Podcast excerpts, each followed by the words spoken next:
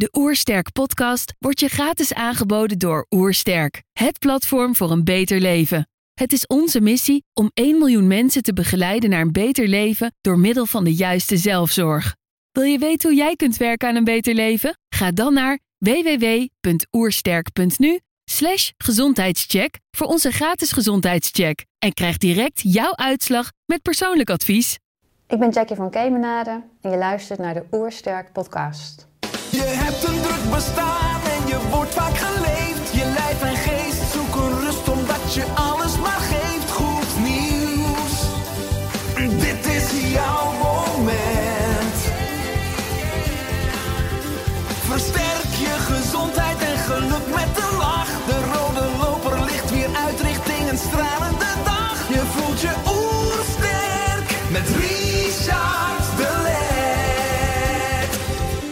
zijn hier in Heemskerk voor een podcast met Jackie van Kemenade.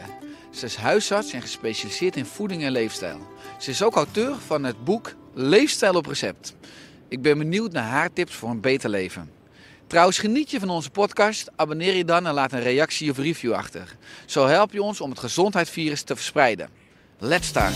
De Oersterk Podcast. Een ontdekkingstocht naar een beter leven. Jackie, welkom. Dankjewel Richard. Ik lees op je website Mijn Boodschap. Ik ben ervan overtuigd dat de kwaliteit van datgene wat we eten, wat we inademen, hoe we bewegen of niet bewegen, invloed heeft op onze gezondheid. Als huisarts gespecialiseerd in voeding en leefstijl hoop ik mijn cliënten te kunnen begeleiden naar een gezond eet- en leefpatroon. Dat wil ik doen in samenwerking met de eigen huisarts en alle andere betrokken zorgprofessionals.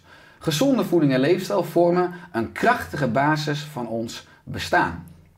Ik word enorm blij dat er steeds meer artsen en huisartsen met voeding en leefstijl werken en daar interesse in hebben. Hoe komt het dat je je als huisarts bent gaan specialiseren in voeding en leefstijl? Ehm, dat is eigenlijk door mijn patiënten.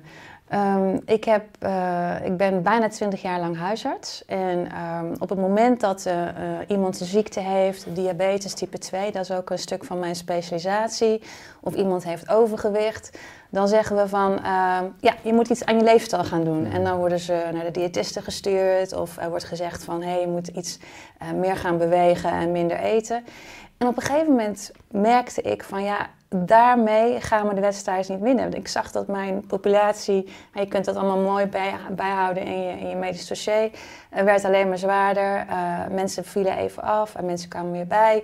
En um, diabetesmedicatie moest alleen maar opgehoogd worden. En uh, dan heb je eigenlijk, dan kom je op een punt, Richard, dat je denkt van nou, er zijn eigenlijk twee keuzes. Van hey, of die patiënten die doen niet wat ik vraag dat ze doen, of dat de diëtiste vraagt dat ze doen, of het advies wat ik geef klopt niet. Dus eigenlijk heb je dan, zit je op een soort van vork van nou, welke kant ga ik op. En wat je ziet is dat heel veel huisartsen dan zeggen van je moet beter je best doen en, en, en huppatee, uh, doe er nog even een schepje bovenop. En um, nou, toen zat ik op een gegeven moment met een patiënt aan tafel. En toen begonnen we weer een klein beetje richting dat dieet te praten. En dit was een forse dame en die had al heel wat uh, afgezien.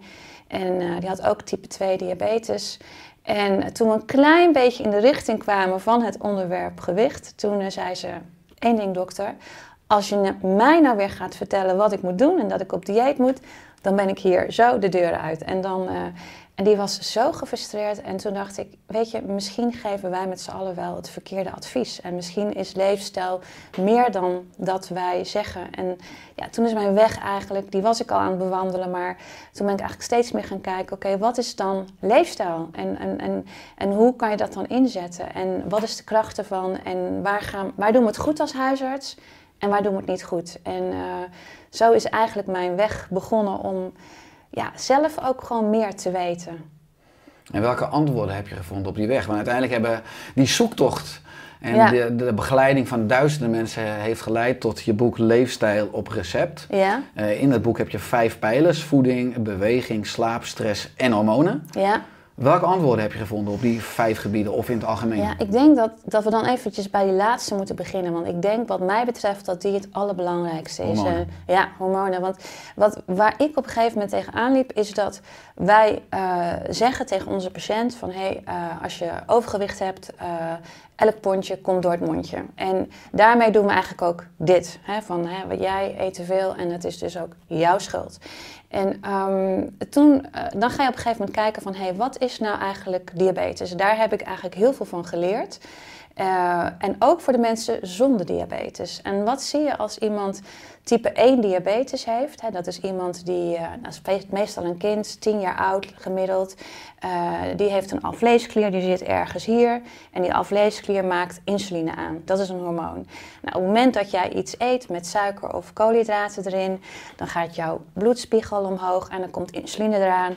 En die haalt eigenlijk die suikers uh, weg. Koolhydraten worden omgezet in glucosemoleculetjes in je bloed. En je bloedspiegel gaat weer omlaag. Op het moment dat je type 1 diabetes krijgt, dan maakt je alvleesklier geen insuline meer aan. Dus hup, van een insulineniveau van hier zakt het naar hier. En de mensen komen op ons spreekuur. Uh, ze hebben dorst, uh, ze moeten heel veel plassen. Kinderen vallen af. En maakt niet uit wat ze eten, ze blijven afvallen. Insuline is laag, ze vallen af. En wat zie je nou bij type 2 diabetes? Dus het is eigenlijk dan bij die kinderen of mensen hebben een veel te hoge bloedsuiker, omdat ja. insuline de bloedsuiker niet meer uit de bloedbaan ja, en er is geen insuline meer eigenlijk, er is geen insuline meer die eigenlijk die suikers, die koolhydraten vast kan houden. Ja. En insuline is dus eigenlijk het hormoon wat zorgt dat we die, uh, die nutriënten vasthouden en omzet in uh, energie voor ons lijf. En als het iets te veel is, wordt het omgezet in vet.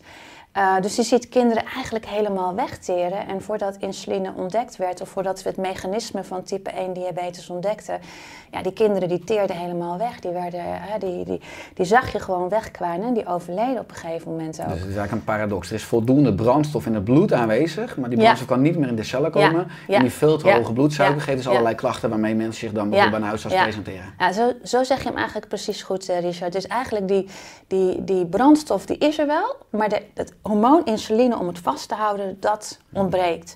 Um, en dat is een hele belangrijke. Daar, daar leren we heel veel van. Als je kijkt naar type 2 diabetes, waar we heel lang wat mij betreft de mist in gaan, is eigenlijk zeggen type 1, type 2 is een beetje hetzelfde. De ene krijg je op latere leeftijd en de ene krijg je op vroege leeftijd. Maar type 2 is eigenlijk totaal tegenovergestelde. Uh, je hebt weer die alvleesklier, die is gewoon lekker aan het werk met de insuline. Die wordt gemaakt en wat zie je? En dat heeft eigenlijk Joseph Kraft in de jaren, nou ja, uh, tientallen jaren geleden al ontdekt. Insuline wordt eigenlijk steeds meer in die voorfase van type 2. Dus die insulinespiegels zijn juist hoog bij mensen uh, met type 2 diabetes in de fase voordat de diagnose gesteld wordt. En die insuline is eigenlijk heel erg zijn best aan het doen om al die suikers en koolhydraten die binnenkomen te verwerken. En dat, dat lukt, dat lukt. Ik kan de bloedsuiker goed houden. En op een gegeven moment lukt het niet meer en dan gaat die bloedsuiker stijgen. Dus bij type 2 diabetes zie je juist hoge insuline. En dat is eigenlijk het tegenovergestelde van heel laag bij type 1, hoog bij type 2 aanvankelijk. En dan zie je dus ook twee dingen gebeuren in het gewicht. En het grappige is, uh, dat geldt niet alleen voor mensen met diabetes, maar ook mensen met overgewicht hebben vaak hoge insulinespiegels. Insuline werkt niet meer goed, het lichaam is eigenlijk een beetje overvol en je krijgt insulineresistentie en we hebben overgewicht en, uh, en we vinden het moeilijk om af te vallen.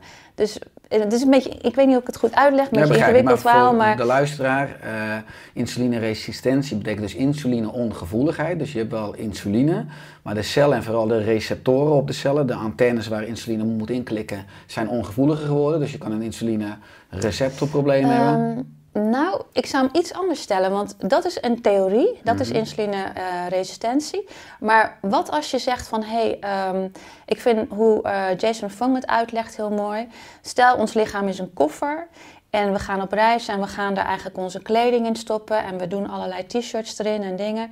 En uh, we zijn die koffer aan het inladen. Zo is eigenlijk ons lichaam ook. Van hé, hey, we stoppen er nutriënten in. En op een gegeven moment is het eigenlijk overvol. En dan kun je nog meer dingen in je koffer willen stouwen. Maar de koffer is vol. En zo zie ik het ook met uh, ons lijf. Van, uh, die insuline die is er wel. En die doet zijn best, maar die cellen die zitten overvol met nutriënten. We hebben hoge triglyceriden, we hebben hoge suikers, maar het past niet meer in ons lijf. En de insuline die kan zijn werk wel doen, maar het past gewoon niet meer. Het is vol is vol eigenlijk. En dan uh, gaan die bloedsuikers ook oplopen. En dan krijg je iemand met type 2 diabetes met juist hoog insuline. Hè, maar die insuline die weet niet meer waar hij alles moet laten. en eh, hoge bloedsuikers en type 2 diabetes. En dus ook vaak overgewicht. Uh, dus Dat, is een risicofactor natuurlijk overgewicht voor het ontwikkelen van diabetes type Het 2. is een risicofactor, maar het is eigenlijk wat parallel gaat met type 2 diabetes. Als je goed ziet, zijn er sommige, als je insuline dus hoog is, dan gaat de insuline, ja, wat moet ik met die suikers? Die worden omgezet in triglyceriden. En dat is eigenlijk gewoon vet wat hier in ons lijf gaat zitten. En sommige mensen die krijgen dan geen type 2 diabetes, want die zetten het allemaal om hun vet en die kunnen het als het ware opstouwen. En anderen die krijgen en het opstouwen en ook type 2 diabetes. en meer Dus- bloedvetten. ja, ja, ja, dus ja. het is iets. Enerzijds eh, kun je zeggen, overgewicht is een risicofactor voor diabetes type 2. Maar anderzijds zijn er twee uitingen van hetzelfde probleem, zeg maar. Ja. Ja. En als we dan uitzoomen, want je kan eigenlijk zeggen dat diabetes type 2 misschien ook het gevolg is van dat we ons lichaam niet gebruiken eh, zoals eigenlijk volgens onze handleiding, hoe we, hoe we ontworpen zijn. Als we wereldwijd kijken, dan zien we dat de mens steeds dikker wordt. Ja. Dat diabetes type 2 enorm toeneemt. Hè. Eh, experts spreken al van globesitas. Hè. Er zijn eigenlijk nu meer Ja. dikke mensen op de Ja. wereld dan mensen die verhongeren. Dus, dus enorm dunne mensen. Eh, wat zegt die toename van diabetes type 2 en welke antwoorden heb je gevonden en wat kunnen we nou preventief gebruiken qua oplossingen of qua kleine Mhm. veranderingen in mijn leefstijl om ervoor voor te zorgen dat ik doe waarvoor mijn lichaam ontworpen is en ook daarmee ik de kans Ja. verklein om dikker te worden of diabetes type Ja. 2 te ontwikkelen. Ja. Nou, wat je kijkt, als je dus weer vanuit dat hormo- hormonale gaat kijken, dan zie je van, hé, hey, oké, insuline is een goed hormoon. We hebben het af en toe nodig. Af en toe moet het even pieken en dan moet het weer dalen. Maar op een gegeven moment, als wij ons systeem overbelasten, dan is die insuline constant aan de bak en constant hoog. Nou, als je kijkt naar ons voedingspatroon, hoe we dan eten, wat belast insuline? Is eigenlijk suikers, eh, suikers die snel opgenomen worden, koolhydraten die eh, bewerkt zijn, waar alle vezels uitgehaald zijn, die snel reageren, waardoor insuline constant aan, die bak moet, aan de bak moet. Dus als je kijkt naar onze voeding en eh, je kijkt naar onze bewerking van voeding, nou, op het moment dat we de vezels eruit halen, hè, dus we hebben in plaats van eh, bruin brood eh, wit brood, of we hebben in plaats van gewoon een normale sinaasappel, hebben we geperste sinaasappels zonder vezels, dat geeft allemaal veel meer pieken in ons bloed. En dan zie je ook dat kinderen in de VS van 8 jaar oud nu al overgewicht en, en diabetes type 2 krijgen. Dus als je gaat naar een voedingspatroon waar we eigenlijk gewoon hè, mooie verse producten hebben die niet bewerkt zijn, geen suikers toegevoegd, eh, minder eh, snelle koolhydraten, dan ben je al een heel eind. Ehm, en dan, eh, dan ga je eigenlijk zorgen dat onze alvleesklier rust krijgt en dat hij niet constant aan de bak moet. Minder vaak eten, vind ik ook. Dat vind ik eh, spannender voor heel veel mensen, want we hebben geleerd van nou, we moeten veel tussendoortjes Een eten. motortje erin Ja, houden, en elke keer maar eh, blijven eten. tussendoortjes. En eigenlijk als je dus minder vaak eet, dan geef je die alvleesklier geef je ook rust. En dan kan die ook eventjes eh, dimmen. Dus eigenlijk dan is die insuline spikes die we hebben, eh, zijn prima, maar niet de hele dag door. En af en toe even als we eten, drie keer per dag zoals in de jaren 70. En niet de hele tijd een smoothie, een frappuccino. Even naar eh, McDonald's, oh we lopen weer over het Centraal Station. En we zien allerlei prikkels op ons afkomen. En we zijn eigenlijk constant aan het eh, bezig met eten. En zo kun je eigenlijk al met hele simpele dingen kun je mensen een heel eind op weg helpen.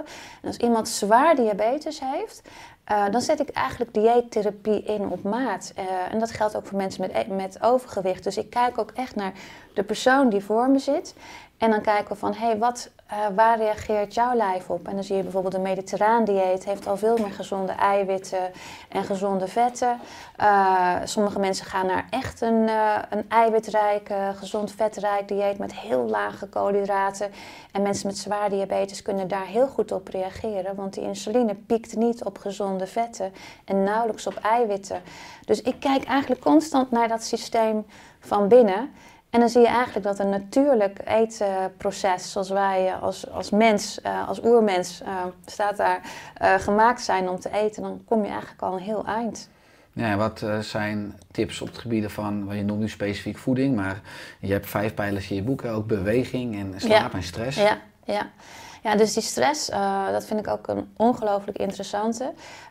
Als je kijkt naar ehm, eh, naar onze, onze, hè, de patiënten in mijn, eh, in mijn huisartspraktijk, dan zijn ze bijvoorbeeld helemaal oké met hun voeding. En ze, ze doen eigenlijk alles goed, ze bewegen goed. Maar we leven in een maatschappij met ongelooflijk veel prikkels. En, eh, en eigenlijk hebben we constant die stressprikkels. En als je kijkt naar ons lijf, uh, hoe dat ingesteld is, dan vind ik het altijd leuk om naar dat stresssysteem te kijken. En uh, nou, we hebben een zenuwstelsel, dat heet het sympathisch zenuwstelsel. Nou, op het moment dat wij hier rustig zitten en we zijn ontspannen en uh, er is niks aan de hand, dan zitten wij in ons parasympathisch zenuwstelsel. Dat is eigenlijk het, het rustige rest and digest zenuwstelsel. Maar als je hier opeens voor de deur een tijger staat, dan, ik weet niet wat jij doet, maar waarschijnlijk zal ik opspringen en zoeken naar de eerste deur. Ik en, ervoor. Jij gooit ja. mij ervoor. nee, nee, nee, ik red je, ik red je. Of we pakken een wapen. Ja. dus je hebt, je hebt drie soorten mensen. De een klimt in de boom, de andere die gaat het gevecht aan, de andere rent weg. Maar dan heb je ons sympathisch zenuwstelsel, dat is ons vecht- en vluchtzenuwstelsel.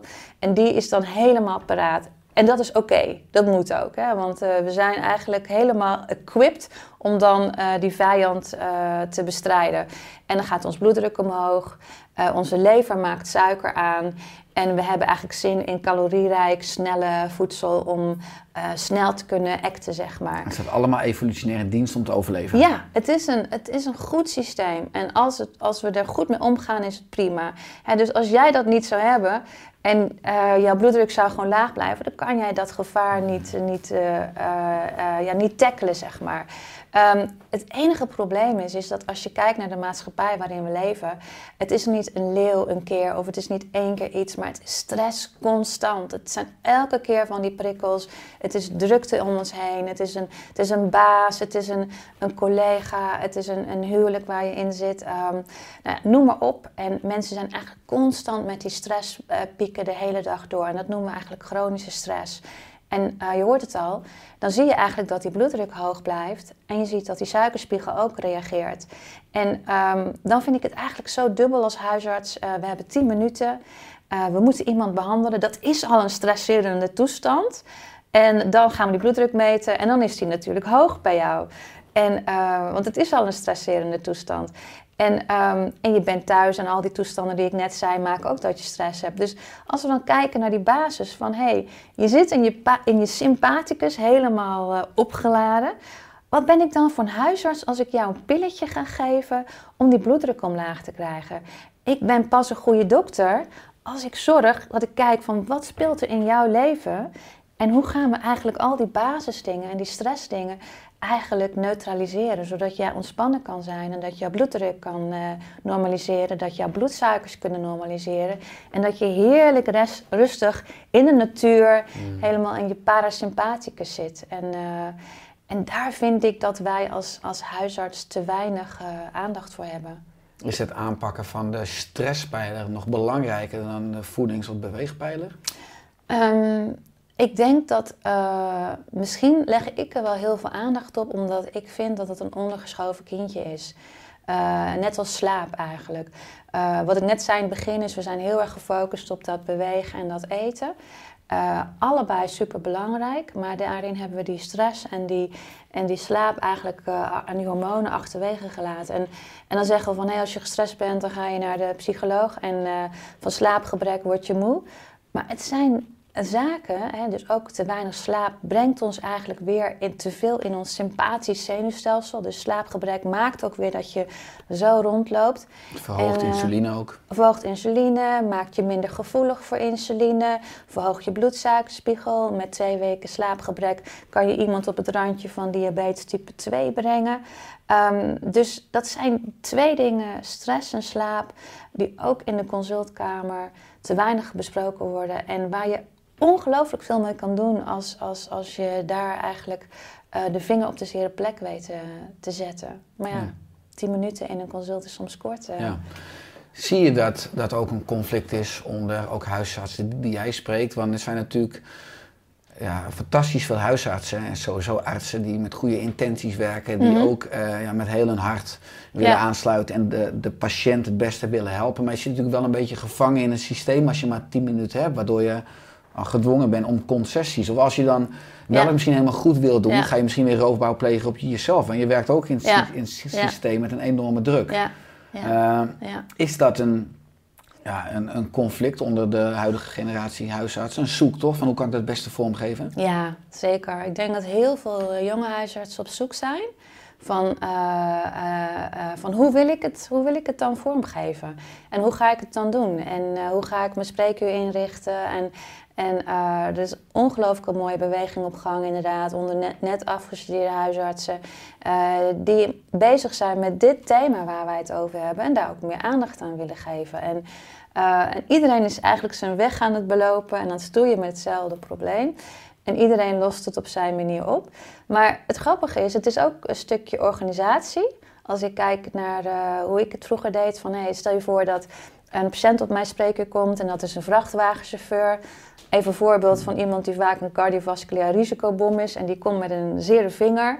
Eh, dan, als ik 10 minuten heb, dan kan ik naar die vinger kijken en dan kan ik snel die vinger verbinden en denken van oké, ik ben er vanaf klaar. Terwijl ik eigenlijk wil weten in mijn achterhoofd van wow, ik zie gewoon iemand die rookt. Ik zie iemand met centrale visceraal vet. Hij zit te veel. ja. eh, ja, en eh, hij, hij beweegt natuurlijk weinig. En ik kan al die factoren negeren omdat ik een druk spreekuur heb. Of ik kan denken van, hé, hey, wow, ik heb hem nu in mijn spreekkamer. Hij zit gevangen. Hij kan nergens heen. Want straks is hij weer on the road en dan is hij gewoon weer drie jaar uit je, uit je vizier. En dan kun je zeggen van, hé, hey, de zuster gaat zo even die vinger verbinden. Laten wij even die bloeddruk meten. En laten we even over jouw leven praten. Hoe ziet dat eruit? En wat ik dan doe, is dan ja, roeien met de riemen die ik heb en zeggen van nou, ik pak een dubbelconsult. We gaan dat even doen. En ik vraag of die toch terugkomt. Probeer hem in ieder geval binnen te houden. En dan gaan we eigenlijk langzaam maar zeker werken naar, dat, eh, ja, naar het kijken van zijn leven. En ook kijken van hé, hey, waar ligt die motivatie? Want dat is eigenlijk de grootste uitdaging. Want ik kan wel iets vinden.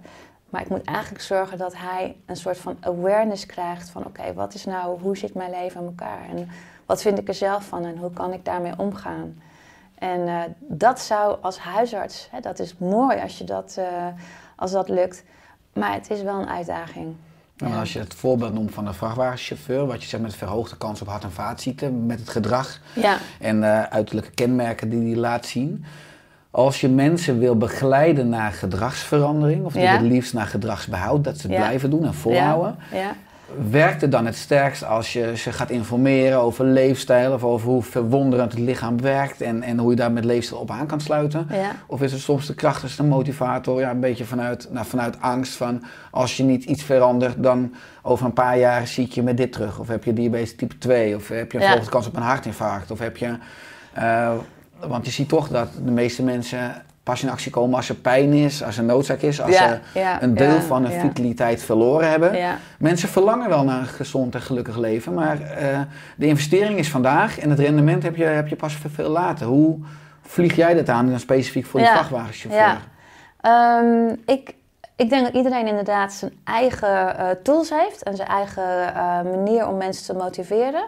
Uh, misschien het mooiste voorbeeld, een patiënt die ik gisteren op mijn spreker had. Dat was dan geen vrachtwagenchauffeur, maar dat was een Poolse uh, een man die in, de, uh, in zo'n, hoe heet dat, zo'n glazen huis werkt. Zo'n, om, om groenten te kweken. Ik ben even de naam. In een kast. Ja. En die dus af en toe naar Polen gaat en af en toe niet. En die man had een jaar of 50, 60 en die had al 20 jaar diabetes. En die was gebeld door de assistent om bij mij een gesprek te komen doen. Dus minder gemotiveerd kan je hem niet hebben, zeg maar. En wat ik dan doe is eigenlijk beseffen van hij is nu bij mij. En als ik nu dit ga doen, dan komt hij nooit meer terug.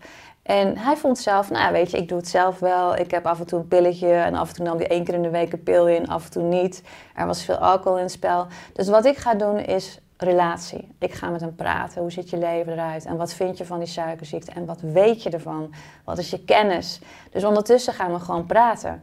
En zorgen dat hij zich op zijn gemak voelt. En dan gaan we kijken van, hé, hey, wat is je kennis? Want als jij snapt wat er in je lijf gebeurt, dan raak je gemotiveerd. Want heel veel mensen met diabetes, die hebben wat hoge suikers, maar hebben daar geen last van.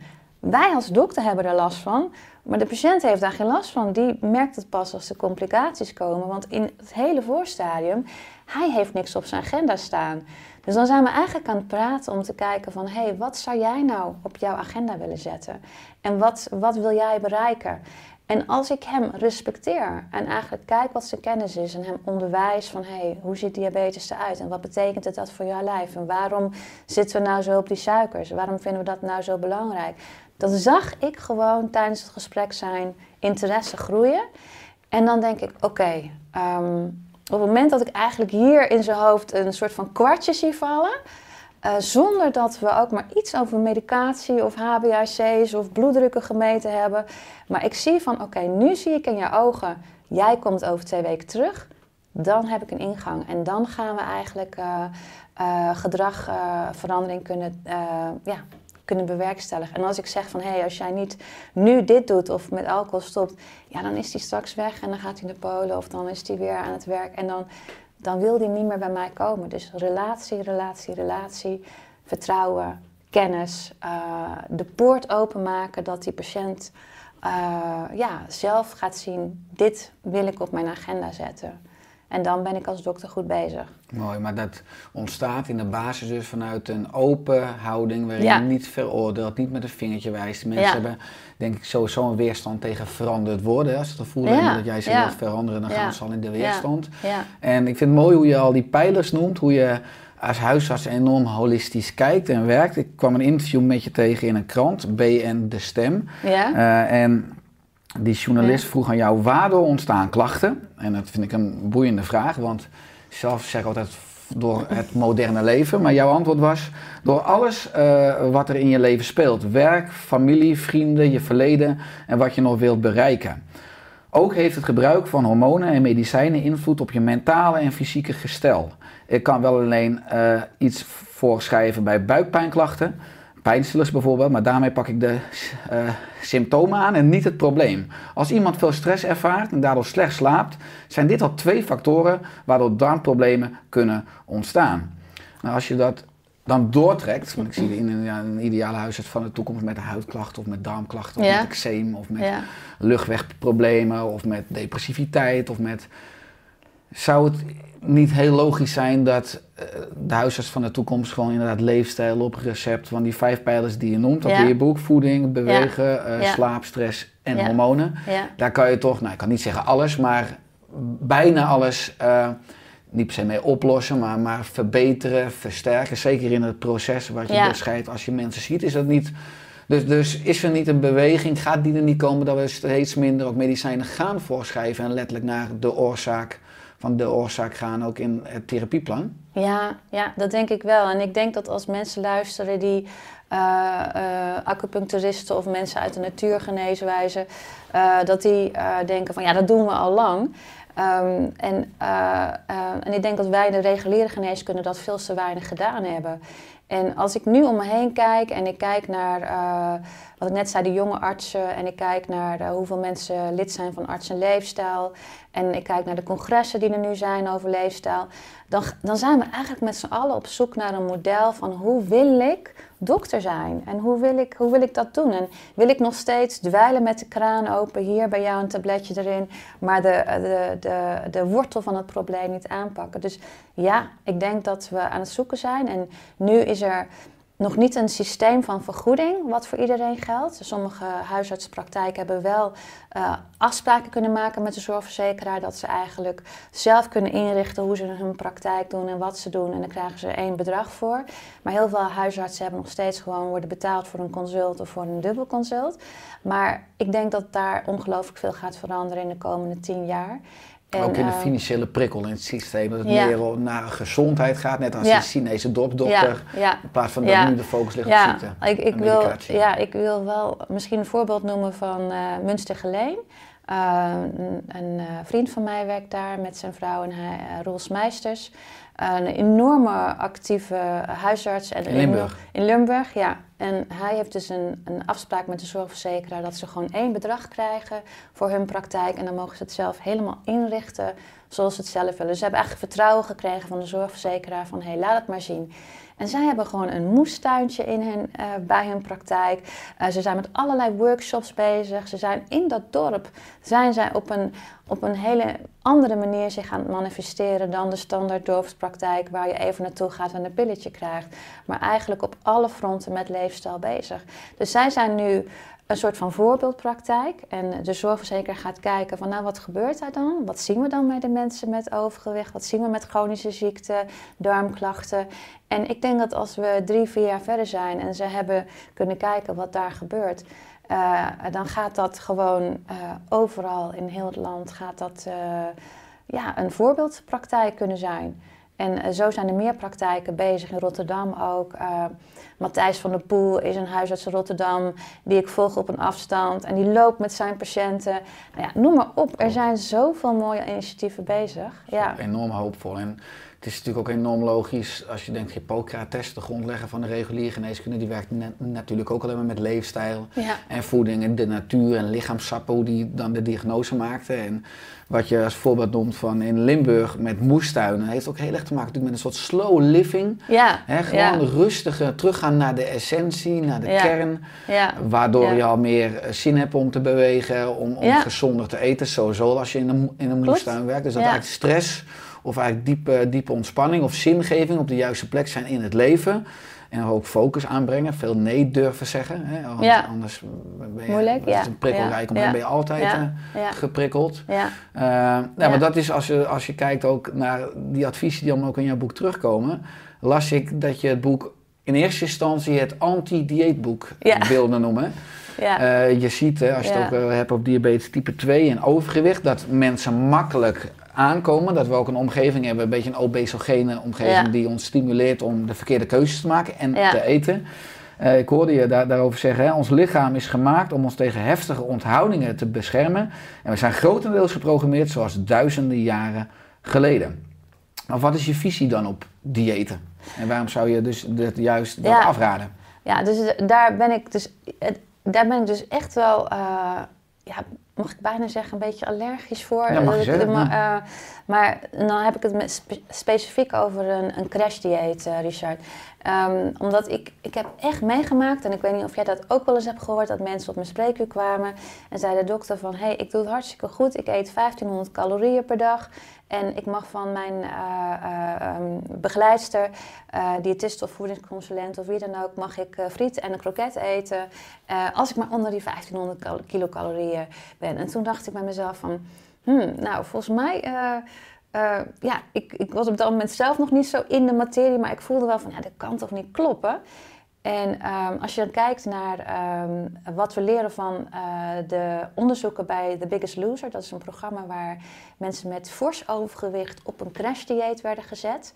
Uh, ze vielen af, hè, dat lukte. Uh, ze werden vervolgd op tv en ze gingen echt enorm sporten. alles wat je maar kan bedenken werd goed gedaan. Ze kregen psychologische begeleiding. Um, en op een gegeven moment, na twee jaar, uh, was er een journalist en die vroeg aan een van de uh, mensen die mee had gedaan van... hey, uh, waarom is er niet weer een, een reunie van het programma? En toen zei een van die dames die mee had gedaan, die zei... Because we're all fat again. We zijn allemaal weer dik. En ze hebben daar onderzoek op losgelaten en ze hebben gekeken naar stofwisseling van die mensen. En op het moment dat je heel erg afvalt, dan gaat je stofwisseling omlaag. Maar bij deze mensen die dus een crashdieet hadden gevolgd, ging het nog meer omlaag. In spaarstand. In spaarstand, ja. En uh, dus om een lang verhaal kort te maken, uh, heel veel van die mensen moesten eigenlijk nou ja, twee, drie keer zo hard werken om dat gewicht te behouden wat ze hadden behouden. Hè? En uh, dat is gewoon bijna niet te doen. En um, gemiddeld keken ze op een gegeven moment, nou stel dat jij 70 kilo weegt en ik weeg ook 70 kilo, maar ik kom van de 120 kilo, dan moet ik toch bijna meer dan een uur extra per dag meer bewegen om op hetzelfde gewicht te blijven dan iemand anders met exact hetzelfde gewicht. Dus uh, om een lang verhaal kort te maken, veel crashdiëten maakt dat je stofwisseling in een spaarstand gaat. En je bent eigenlijk, je lichaam denkt eigenlijk van nou er zijn weinig calorieën. Weet je wat we gaan doen? We gaan gewoon bezuinigen. We gaan heel zuinig om met die calorieën. We zitten blijkbaar in een soort van hongersnood. En je gaat bijna niks meer verbranden. En dan kom je bij je dokter en je dokter zegt van nee, stout, stout, stout, want je valt niet af. Terwijl je lichaam, die zit in die spaarstoestand, je kan er niks aan doen. En dus dat is een beetje mijn allergie met die crashdiëten. En als je dan kijkt juist naar diëten waar we gewoon kijken naar gezonde voeding, die dus eigenlijk die hormonen goed houden. Weinig stresshormonen, hè, om door die stress eh, goed te houden. Geen cortisol, adrenaline. Rustige insuline die af en toe spijkt als je eet.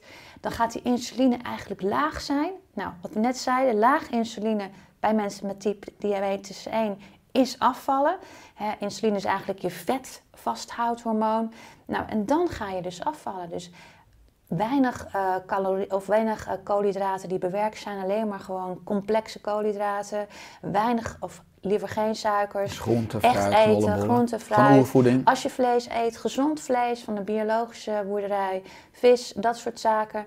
En ehm, Dus ja. meer, meer eiwit en vet en helemaal niet specifiek de focus op calorieën. Ja, ik laat eigenlijk het hele calorieënverhaal los. Eigenlijk los. Eigenlijk, maar er zit wel een andere kant aan. Dus in, dieet, in die zin doe ik wel iets aan een soort van dieettherapie bij mensen met diabetes type 2. Merk ik wel dat als wij heel erg daarop gaan focussen. En er stond vorige week een patiënt van mij in de krant. En die had binnen drie maanden had ze haar HbA1c van 94 naar 45 kunnen krijgen. Dat is je langdurig suiker.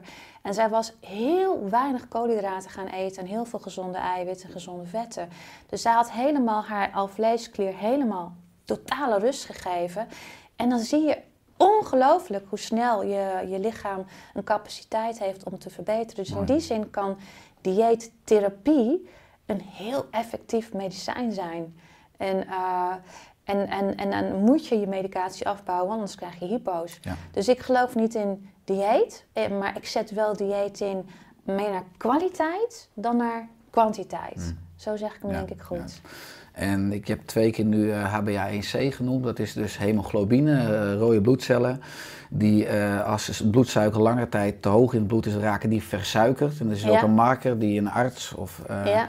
tenminste, ik prik hem ook in mijn praktijk, kan prikken om, om te zien hoe lang, over hoe langere tijd de bloedsuiker al te hoog is. En als Ja. mensen zo'n leefstijl, eetpatroon veranderen, dan zie je ook de versuikering van die ro- rode bloedcellen, die dus Ja. meet aan Ja. die HbA1c, zie je dus dat, dat, dat die marker veel lager worden. Ja, Een stukje bijles voor eh, de Ja, luisteraarskijker. ja, sorry. eh, soms Nee, dan nee, heel goed, heel goed, Ga ik te snel. Ja, dank je. Ehm, ja.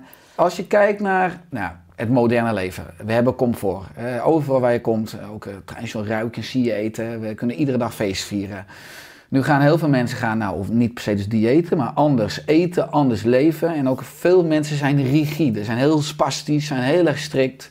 Ja. In je boek schrijf je ook, vergeet niet te feesten. ja. Doe je dan ook op, eh, op genieten, op ontspanning? Ja, ja. Eh, dus enerzijds is dat, eh, is dat gewoon hoe je leeft. En, en wij, doen dan, wij feesten als we op vakantie gaan of wij ontspannen dan als we op vakantie gaan. Maar ik bedoel het eigenlijk ook gewoon in ons dagelijks leven. En ehm, ik heb mijn eerste baan als huisarts was in Australië. En eh, toen hebben we een ongelooflijk eh, fijn jaar gehad eh, met de hele family. En er, er, was daar, er waren daar heel weinig prikkels waar we zaten. En als we dan op vakantie gingen, dan waren we al helemaal relaxed. Dus we gingen echt totaal relaxed op vakantie. En wat je hier ziet in Nederland is dat we zijn heel erg gehecht aan onze vakanties. Maar we gaan totaal overstuur gaan we op vakantie. En de eerste drie dagen hebben we migraine. En eh, eh, nou ja, eh, weet ik het, als je, als je op wintersportvakantie gaat, dan rijd je in de stoet rijd je naar Oostenrijk. Ik heb het ook gedaan hoor. Want je wil daar zijn en je wil ontspannen. Maar we zijn zo gespannen aan het proberen te ontspannen. Dat het, ja, dat het zo gemaakt is. Dus ik probeer eigenlijk het feesten in je dagelijks leven. Uh, zoek een moment voor jezelf. ik weet niet, wat is, jouw, wat is jouw feest, Richard? Wat is jouw ontspanning? mijn ontspanning is uh, s'morgens meditatie. Mijn ontspanning is sowieso, want ik heb twee zoons. James is één jaar en Noah is negen jaar. Nou, iedere ochtend ja. sta ik dan ook met de jongens op. Uh, zitten we samen aan de ontbijttafel. Uh, nou, ben ja. ik bij spreken met James over de vloer aan het kruipen. Of met Noah aan het voetballen. We hebben zo'n zacht balletje in huis in de woonkamer. Ja. Waar mijn vrouw overigens niet altijd blij mee is. Want dan gaat nog wel eens een glas water op wat anders om. Uh, maar we werken aan onze techniek. Ja, heerlijk, maar, ja. En ik lunch iedere middag gewoon thuis aan tafel. Dus dat zijn... Ik heb een team hier. Uh, ik ga op mijn fiets naar mijn werk toe. Oké, okay, het, is, het, is maar, uh, het is een kort stuk. Maar in ieder geval, ik ben...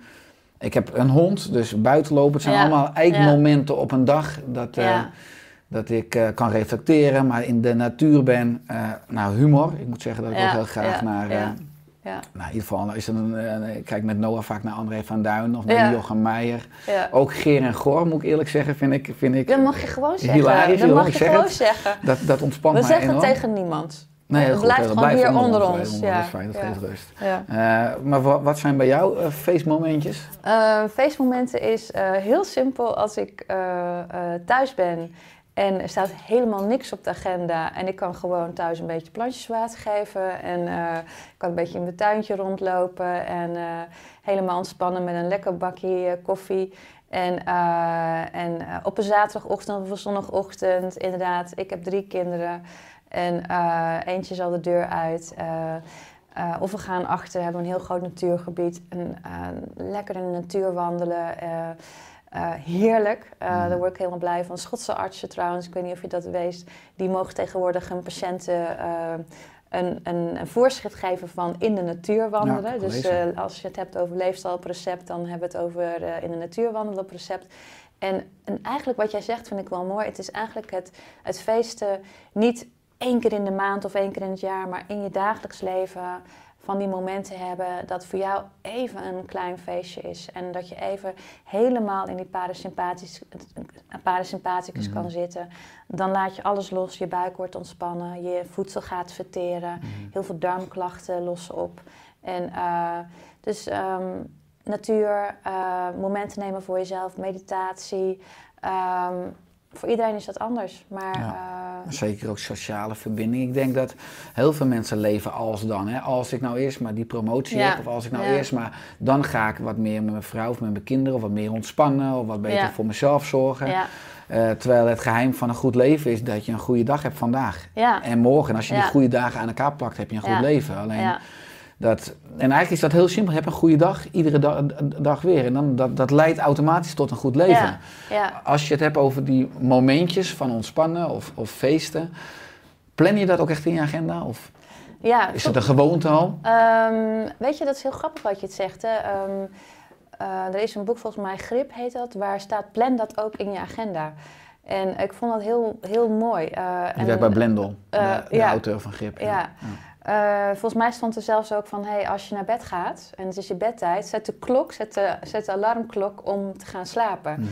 Ehm, dus eigenlijk, ehm, eh, het is het is, in feite is het een keuze. En weet je wat het is? Heel vaak in je dagelijks leven laat je je inderdaad beïnvloeden door alles wat op je afkomt. En is datgene wat voor jou ontspannend is, is je laatste keuze. En je hebt het niet op de agenda gezet. En je wordt keer op keer word je eigenlijk overruled. En lig je s'avonds in je bedje helemaal weer stijf van de stress. Want je hebt al die momenten heb je laten gaan. En als je ze op de agenda zet en jij doet dat heel mooi, je incorporeert dat in je baan. Uh, dat is soms voor mijn collega's als huisarts of als specialist moeilijker. Maar zet het op de agenda. Ook als het je minder inkomsten geeft uh, of minder wat dan ook. Maak dat gewoon een, een daily routine van je leven. En, uh, en zorg dat als je op vakantie gaat, dat je ontspannen op vakantie gaat. En daar komen geen ongelukken van. In plaats van dat je na vakantie en vakantie ja. leeft, als het ware naar uitkijkt, Ja. omdat dan Ja. het alleen maar in die stukjes het echte leven Ja, plaatsvindt. ja. En volgens mij heb ik ook een keer een stuk gelezen over Barack Obama, uh, waarvan je kan zeggen van, hé, hey, als je een topfunctie hebt, nou dan is dat president van Amerika wel een topfunctie. En dat eigenlijk werd gezegd van, hé, hey, dat soort functies zijn een soort van topsport. Um, en je moet er eigenlijk dus ook naar leven. En dat betekent sporten, bewegen, eten, dat allemaal in die agenda plannen. En dat werd voor hem allemaal ingepland, zodat het gewoon ook niet vergeten kon worden. Het was niet, en, uh, niet onderhandelbaar. Het stond ja. gewoon ingepland ja, uit de PA die, Ja. er, eh, die zorgde dat hij het naleefde. Zeker in zijn functie was het juist zelfzorg belangrijk. Hij liep iedere dag hard, in ieder geval. En, ja. dus en, hij had een uh, Ja, eh, ja. prettige of misschien wel essentiële noodzakelijke routine ontwikkeld. Ja. Om, om die functie goed te, te kunnen uitoefenen. Ja. ja, en wat ik zelf, oh, dat moet ik nog even zeggen, Richard, wat ik zelf doe om te ontspannen is in Breda. Uh, ik, ik, ik hou ook van hardlopen, maar ik, ik, ik noemde het uh, slow walking, want ik loop echt als een schildpad zo hard. En ik kreeg het maar niet mijn tempo omhoog. En ik zat eigenlijk mezelf onder spanning te zetten van, nou, ik moet sneller lopen, ik moet sneller. En het lukte maar niet. Ik zat als een schildpad uh, door dat masbos heen te lopen. En toen vertelde ik het tegen een, een collega chiropractor. En die zei van, oh je doet dan slow running dus? Ik zeg, ja, het is slow running. En toen bleek er in Breda een groep te bestaan, slow running. Dus ik dacht, nou oké, dat is mijn groep. En daar ben ik dus nu ook bij. En dan rennen we met eh, dames rennen we door eh, het Maspels of door een natuurgebied op een tempo. Dat we nog gewoon aan het praten zijn. Eh, eh, echt alleen maar aan het oude beppen. En dan zit je eigenlijk helemaal, dus in die parasympathicus ben je wel aan het bewegen. En het grappige is, heel vaak als we sporten, sommige mensen hebben nodig om zichzelf helemaal onder spanning te zetten. Maar als je al heel veel doelen hebt en je hebt ook nog eens dat doel om hard te lopen en je krijgt daar weer spanning van, dan ben je dus met die slow running ben je helemaal ontspannen aan het bewegen.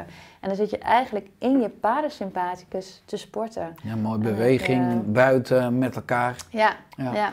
Je ziet vaak ook van die, eh, nou niet vrouwen, maar ook mannen met van die stokken inderdaad. hè, Dat, eh, maar ook eh, Nordic walking, ja.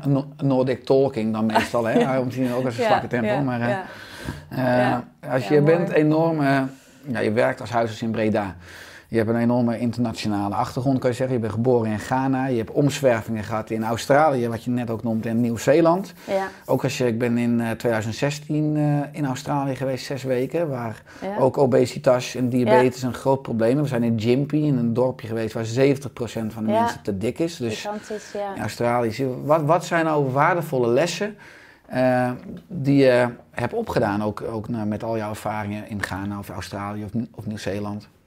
Ehm, ik denk dat als ik kijk naar Australië en Nieuw-Zeeland, eh, dat, dat, daar, daar is het inderdaad wel begonnen, Richard. In Australië was dus echt twintig jaar geleden toen ik mijn eerste baan als huisarts had. En toen zag je eigenlijk wat jij net zei. De mensen stonden daarop in het dorp waar ik woon en die gingen om vijf uur 's ochtends lopen. En dus ze waren eigenlijk heel actief bezig. Tegelijkertijd zag ik daar heel veel explosie van fastfood restaurants. eh een Kentucky en ik mag geen namen noemen. Maar Je mag alles noemen, nee, je Mag mag alles noemen. Maar, McDonald's, eh, Burger King. Oké, Wendy's. Eh, Zo groot zijn we niet hoor, dus eh, hoeft Oké. Ehm, nog niet. en ehm, nou, dus alles, alles explodeerde. En ik zag, en ik zag een, een vorm van obesitas die ik op dat moment nog niet in Nederland had gezien. Dus ik vond het, toen zag ik die paradox al van, hé, hey, ik zag meer mensen actief bewegen. Mensen gingen de oceaan in, live surfing was een groot ding daar. En toch een enorme obesitas daar eh, eh, in dat dorp en in de dorpjes eromheen. Dus dan gaat je hoofd al, eh, het motortje ging toen al lopen van, hé, hey, wat gebeurt hier? En in Nieuw-Zeeland, dat was niet zo heel lang geleden, ik denk dat ik iets van vijf jaar geleden was. Toen was natuurlijk al lang bezig met dat voeding.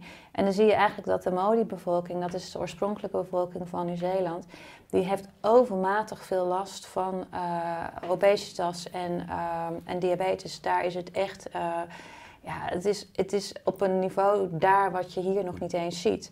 Ehm, zelfs jonge mensen met een, dus een enorme centrale eh, ehm, overgewicht. En wat je daar zag waar ik was, is, was in Gisborne. Daar was eigenlijk nog maar tien jaar, eh, in tien jaar tijd was daar ook fastfood op de agenda gezet. En op een of andere manier reageerde dat deel van de bevolking veel sterker op die bewerkte ultra-processed food dan eigenlijk eh, andere mensen vanuit Nieuw-Zeeland. En als je kijkt, eh, ze hebben daar prachtig mooie feesten waar je gaat eten zoals mensen, de Modi-bevolking, van huis uit at.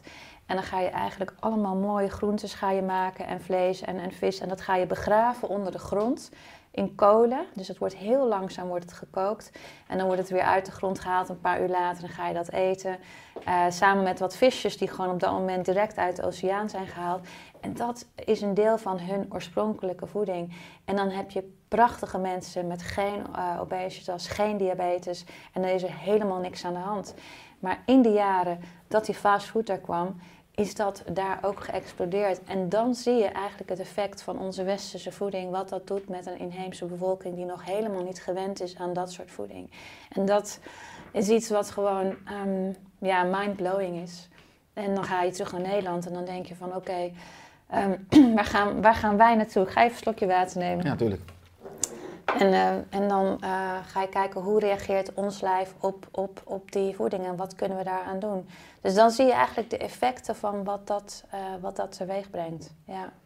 Ja, en als je kijkt naar andere leefstijlpijlers, want zeker in Australië hangt vanaf waar je werkt, of in ieder geval wij dan bij Sydney langs de kust. Je ziet natuurlijk enorm veel plekken waar je kunt surfen, maar het is daar natuurlijk warmer en zonnig en mensen zijn meer buiten. De Ja. andere kant is het is heuvelachtig, grotere afstanden, mensen hebben geen fiets, alles in de auto. En, eh, maar heb je daar ook qua leefstijl eh, gezien hoe zij het anders doen, waar wij ook nog iets van kunnen leren? Ja, ik, ik denk dat ehm, als je kijkt naar eh, ook mensen in Australië, maar ook mensen in Nieuw-Zeeland. wat ik ontzettend gaaf vind, is dat mensen, heel veel mensen nog heel close zijn met de natuur. En ook daar in de steden als Sydney is dat misschien minder. Maar hele delen van de bevolking die leven nog echt gewoon met die natuur. En hoe je als, eh, ja, wat je als mens, wat, wat bedoeld is zeg maar. Mensen gaan ook jagen, eh, je kunt er alles van vinden. Maar in Nieuw-Zeeland, eh, veel mensen die ik ken, gingen in het weekend gingen ze of in de zee duiken en jagen. Of ze gingen de natuur en ze gingen duiken en jagen. En, en, en, en in Nederland zijn we wat dat betreft, niet iedereen, maar veel verder verwijderd van die oer, eh, ja, oeromgeving. oeromgeving dan, eh, dan wat je daar hebt. Daar heb je natuurlijk ook gewoon nog veel, veel meer natuur. Daar heb je de mogelijkheid in Nieuw-Zeeland, ga je gebieden in waar je gewoon eh, niemand tegenkomt en helemaal afgelegen bent. En ja, als je dan hebt over, je, over de prikkels. ehm, in Nederland wonen we met 18 miljoen mensen in een heel klein landje. En daar woon je in een enorm groot gebied. En eh, de prikkels zijn dan ongelooflijk anders. En ik weet dat ik met mijn man in eh, Australië, toen we daar waren, en op een gegeven moment zaten we op, de, op het balkon, weet ik nog. En we hadden geen vrienden toen we net aankwamen, we hadden geen familie, we kenden niemand. We hadden nul prikkels in het weekend. En dan zat je daar en nou, dan kom je tot gesprekken Mhm. en dan kom je tot activiteiten die je, waar je in Nederland gewoon niet meer aan toe komt. Want hey, je hebt de telefoon, je hebt de social media. Er zijn constant dingen aan de hand. En Geen afleiding, aandacht, Ja, verdieping. Ja, Mooi. ja. Mooi. Als je kijkt dan, hè, waar we een uur over praten, naar al die leefstijlpijlers. Ik, ik, ja, ik vind het enorm mooi hoe je het ook allemaal opschrijft in je boek Leefstijl op een recept. Eh, toen het boek uitkwam, wat is nou de, de leukste reactie die je hebt ontvangen? Misschien van een lezer, misschien van een huisarts, collega, meer misschien van nou, eh, wie ook, want je bent op heel veel fronten actief. Ehm, ik heb ja, moet ik even nadenken. Ik heb ontzettend veel leuke reacties gehad. Ik denk van eh, een collega kaderarts. Eh, kaderarts ben je als je als huisarts specialiseert, dan noem je jezelf kaderarts. Ik ben gespecialiseerd in diabetes en dat is een tweejarige opleiding. Eh, maar ik, ik zag een collega eh, eh, kaderarts hart-vaat, dus die is gespecialiseerd in hart- en vaataandoeningen. En die zag ik op een beurs en die kwam naar me toe. Ik kende haar niet. En ze zei, oh, ze zegt, jij hebt het boek geschreven wat ik had willen schrijven. En ehm, dus, ja, dat, dat, dat vond ik een enorm compliment. En, compliment. ja, en dat, dat raakt je toch als het je eigen collega is. En, eh, ehm, en dus dat als voorbeeld. En ik moet zeggen, ehm, van mijn eigen zoon. En eh, die heb ik ook eh, een stukje laten lezen. Ik moet zeggen, hij heeft niet alles gelezen. Hoe oud is Eh, hij? hij is 18 nu. 18 jaar, mooi. En ik heb een stukje geschreven bij het hoofdstuk slaap over gameverslaving. Mhm. En dat vond hij heel herkenbaar. En hij heeft toen het hele hoofdstuk uitgelezen. En hij zei, mam, ik vond het een enorm boeiend hoofdstuk en ik heb er veel van geleerd. Dus dat was voor mij zeg maar twee uitersten. Eh, iemand van 18 met ja, basiskennis, eh, maar dat stukje over gaming sprak hem heel erg aan. En een kaderarts, eh, een collega. Ja, en als je die twee eh, eh, mensen daarover hoort praten en iets over zeggen, dan, ja, dan daar werd ik wel blij van. Mooi. Ja, Heb ja. je ook gekke dingen meegemaakt? Gekke of negatieve reacties? Ehm, ja, ik denk dat heel veel artsen het spannend vinden dat ik dit boek schrijf. En eh, ik weet wel dat heel veel eh, van mijn collega's mij een leefstijlactivist vinden. En eh, ik stond laatst ook in de krant met een prei in mijn mond. Daar wordt het ook niet beter van. Was gefotoshopt? Oh, dat heb je zelf gedaan? Nee, dat was de, oh, je bent zelf zo gaan staan? Oké. Nee, nee, de fotograaf zei, ja, bijt er maar eens in. En dat deed ik. En toen zei ja, dat komt niet in de krant hoor. En dat kwam dus in de krant. Altijd oppassen met fotografen. Ik kan erover meepraten. ja. Dus ik stond er erg activistisch in. En, ehm, maar goed, dat ben ik dan misschien ook. En, eh, maar dat vinden, eh, sommige van mijn collega's vinden dat ik daar eh, redelijk extremistisch in ben. Ehm, is prima. Het houdt je bij de les. En je krijgt onderzoeken toegestuurd. met de vraag om het te beoordelen en te kijken of ze je op een ander pad kunnen brengen of andere overwegingen kunnen geven. En het houdt, het houdt je scherp. En af en toe is het ingewikkeld, maar het houdt je wel scherp. En ja, dus, ehm, ja, Richard, dus hele wisselende reacties. Ja, ja. dat, is, dat Ja. is hoe het ook in de natuur hoort. Je steekt je hoofd boven het maaiveld, mensen ga je prijzen, mensen uh, hakken je hoofd eraf. Dat is bij mij niet anders, maar dat is een natuurlijk proces. Heb je dat ook Dus- meegemaakt? Ja? ja, n- ja, tuurlijk. We bereiken vanuit Oersterk natuurlijk nu eh, ja, eh, 100, ruim 100.000 mensen per maand. Wow. Dus dan is het logisch dat, eh, dat je wat uitlokt. En dat zie ik Ja. ook als een, als een compliment dat we blijkbaar een uitgesproken mening hebben. Eh, ik roep mensen op om alles wat, wat we geven of uitdragen met maximale twijfel aan te nemen. Pak op wat, re- wat Ja. resoneert, wat goed voelt. Ja. Eh, maar je bent alle pioniers die ervaren ook weerstand. En, maar, maar wij hebben natuurlijk uiteindelijk ook een grotere missie om in 2022 dat 1 miljoen mensen een beter leven hebben door middel van de juiste zelfzorg. En die Ja. educatie en training die Ja. reiken wij aan vanuit, vanuit. Wat, wat is jouw missie? Eh, mijn missie is om te zorgen dat wij eh, gaan met z'n allen, met, eh, en daar wil ik aan bijdragen, dat we diabetes type 2 en obesitas, wat in Nederland dus groeit. Er komen elke week komen duizend mensen met diabetes type 2 erbij. Dat we het eerste 150 per dag dus land... Ja, dus dat wij het eerste land worden van de wereld waarvan mensen zeggen van... hé, hey, het gaat niet meer zo, maar het gaat zo. En dat we dan eigenlijk een soort van voorbeeldland kunnen zijn voor andere landen in de wereld. En die potentie hebben wij, Richard. Want wat jij doet, wat heel veel mensen doen nu, we zijn zo ja, activistisch, activistisch bezig. Dat we kunnen laten zien met onze ongelooflijke goede professionals dat we diabetes type 2, wat een chronische ziekte is, leefstijlgebonden ziekte, eh, kunnen zeggen van hé, hey, we gaan insuline, kunnen we gewoon uitbannen. We kunnen het gaan reduceren, mensen kunnen medicatie afbouwen. En dat heel de wereld gaat zien van hé, hey, in Nederland gebeurt het. En hoe doen ze dat? Mhm. En als, eh, als ik kan zeggen van hé, hey, ik heb daaraan mogen bijdragen. En ook eh, de cijfers van obesitas kunnen, kunnen we laten afnemen.